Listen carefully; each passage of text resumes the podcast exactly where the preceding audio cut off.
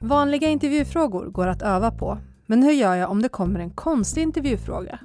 Den här veckan har jag tagit hjälp av Omid Ramanian på Arbetsförmedlingen för att spåna kring varför arbetsgivare ställer konstiga frågor. Och han ska självklart också få svara på några. Det här är Arbetsförmedlingens jobbpodd. Jag heter Priya Eklund.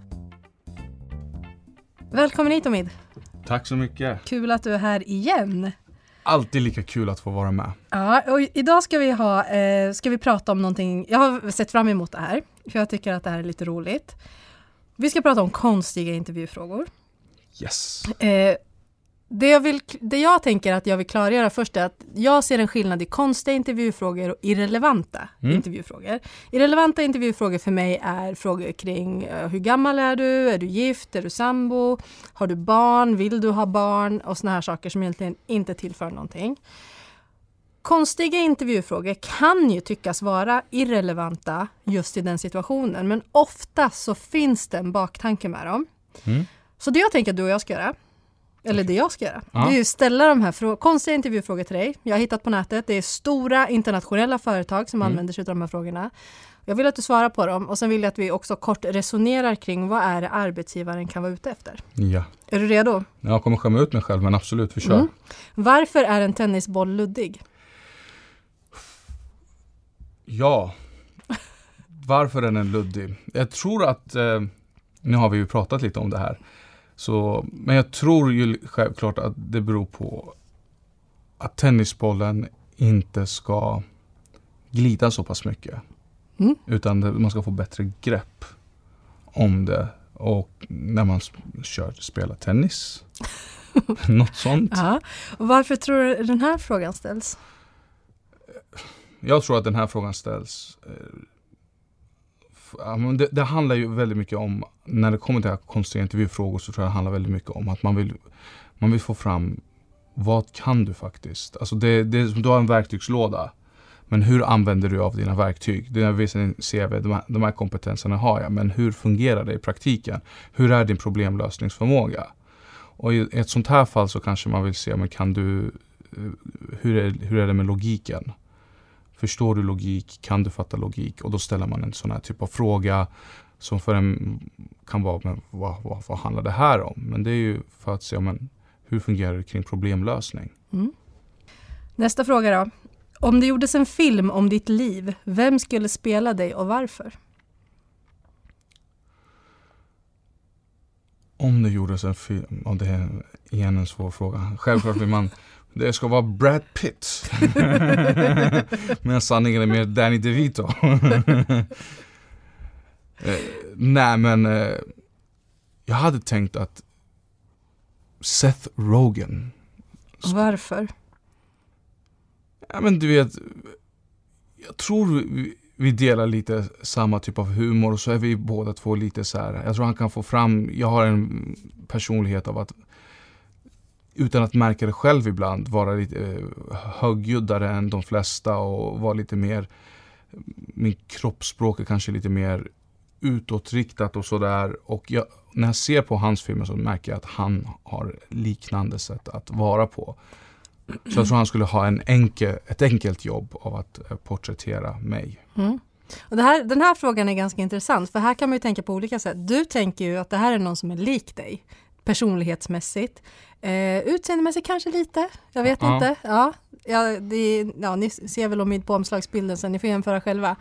Men man kan ju också tänka att man väljer, och du hade kunnat sagt jag vill att det är Leonardo DiCaprio. Mm. Han gör så otroligt mycket för miljön och det är också liksom någonting som jag tycker är fantastiskt. Du skulle kunna ha sagt Brad Pitt för ja, om man nu tycker att han ser bra ut eh, och man känner att jag, så skulle jag, det där är mitt mål.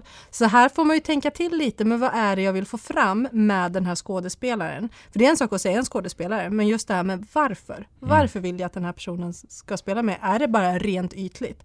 Eller är det att den personen gör någonting bra för samhället? Är det någonting, alltså sådana Mm. saker? Så det är lite kul. Jag hade antagligen också kanske tänkt lite på Daniel Day-Lewis. Men det beror på att han är en så fantastisk skådespelare. Men han går ju verkligen in i rollerna så han skulle göra en makalöst bra jobb. Mm. Okej, då kör vi nästa då. Är du mer av en jägare eller en samlare? Jag är mer av en jägare. Definitivt. Mm. Och varför tror du den här frågan ställs? Den här frågan tror jag ställs för att få fram lite vad du är för typ av personlighetstyp. Jag tror att en som, som är jägare är den som tar initiativ, den som har enklare för att kanske leda, som är lite också dumdristig, hoppar in i saker och ting, gör saker och ting, är liksom där ute och försöker se men, mm, vad händer och fånga upp det. Medan en samlare är lite mer den lugna personlighetstypen som kanske administrerar, som ser över verksamheten på ett annat sätt och lite av den typen av karaktär. Så jag tror här försöker arbetsgivaren att fånga upp vilken typ av karaktär du är. Det finns ju inget rätt eller fel här. Du, det, det är inte så att den ena är bättre än den andra. Nej. Så. Mm. Om du var ett pizzabud, vilken användning skulle du kunna ha av en sax? Den användning jag skulle kunna ha av en sax är eh, om jag kommer dit och de säger till mig, men ni skulle skära upp pizzan åt mig och då kan jag liksom skära upp pizzan. Jag menar på vägen kan det hända någonting om jag kör bilen att någonting bara klistrar sig fast. Jag, det finns massvis med användning man kan ha av en sax. Självförsvar ja. i värsta fall. du kommer med fel pizza. Ja. Men, eh, och här tänker jag att vi är inne på just det med problemlösning. Mm. Som du sa i början. Att logiskt tänkande, men kanske lite också tänka utanför boxen. Precis. Vad, vad mer, ja men just med att klippa, klippa pizzan, det var det första jag tänkte på. Jag tänkte inte på det här ifall bilen går sönder eller cykeln Mm. går sönder. Så man får ju in ganska mycket där. Sista frågan. Absolut. Omid, Ja. beskriv för mig hur man sätter på sig ett säkerhetsbälte och fördelarna med att ha det fastspänt. Jag sätter mig i stolen och sen så för jag min, oftast eh, med båda händerna så drar jag den och sen så säkerställer jag att den låses fast. Och fördelarna med att ha ett säkerhetsbälte är ju självklart delvis att jag följer lagen. Som polisen ser mig så behöver de inte ge mig onödig böter för att jag inte har spänt fast säkerhetsbältet. Men också att man känner sig lite tryggare i trafiken. Ehm, och att ifall olyckan är framme, och det vet man aldrig. Menar, om, även om du ser dig själv som den bästa föraren i världen så kanske det finns någon annan som inte är det. Och jag menar det skulle vara så trist att eh, lämna jordelivet på grund av att man missar något så pass enkelt som säkerhetsbältet. Mm. Jättebra svar. Varför tror du att den här frågan ställs? Jag vet inte, du nu får du upplysa mig. Men jag tänker att det är pedagogiskt. Du Okej. ska beskriva någonting för mig Mm, eh, så att jag förstår. mm, Ehm, du kanske ska jobba som säljare, du ska förklara en produkt. Så ska du förklara hur funkar den här produkten och varför ska just du ha den här produkten. mm. Eller? Ja men jo det, jo, det låter jättebra. För att det, och det tror jag det är. Du förklarar själva produkten och vad, vad produkten då använder. Alltså du använder säkerhetsbälte. Men vad är fördelarna då med att använda säkerhetsbälte? Mm. Så då kan man ju liksom också få, ett grepp om hur du tänker. Jag menar, det, det är lite kopplat till förra med pizzabud och sax. Att eh, ja, men du kanske bara säger liksom, ja, men det är bra för trafiken. Men sen har du människor som mig som bara, har polisen. jag, jag tänkte, det var det första du sa. Jajamän. polisen. En annan var mitt första, ni har ju, det är jag som har hittat de här frågorna, det var ju verkligen så här, ja, för att du inte vill dö. Var det Men, polisen ska inte se och ge mig böter. Men vad bra. Men ska vi skicka med lyssnarna någonting vad gäller just konstiga intervjufrågor? Det här är ju bara ett urval av konstiga Ja. intervjufrågor. Vi har ju webbinarierna, då har vi den här med zombieapokalypsen, vad gör du då? Om du är en krit, en ny tillskott i kritlådan, vilken färg? Det finns ju en uppsjö Ja. med konstiga frågor. Det jag tycker, eller det jag skulle vilja skicka med, och sen får du hålla med och sen skicka med någonting till om du vill. Det är ju att dels ta det för vad det är. Men tänk också lite på vad är det man vill få fram. Mm. Ibland så kanske man inte vill få fram någonting annat än, ja men som det här med zombieapokalypsen, du har 24 timmar kvar, vad ska du göra? Då handlar det mer om, ja men kolla lite personlighet, bara, men en kul fråga för att, för att liksom lätta upp stämningen Mm. lite. Men ofta så finns det ju en baktanke Mm. med det. Jag tror det finns definitivt. En av mina favoritfrågor är eh, om du skulle sälja ett ruttet äpple, hur skulle du gå tillväga?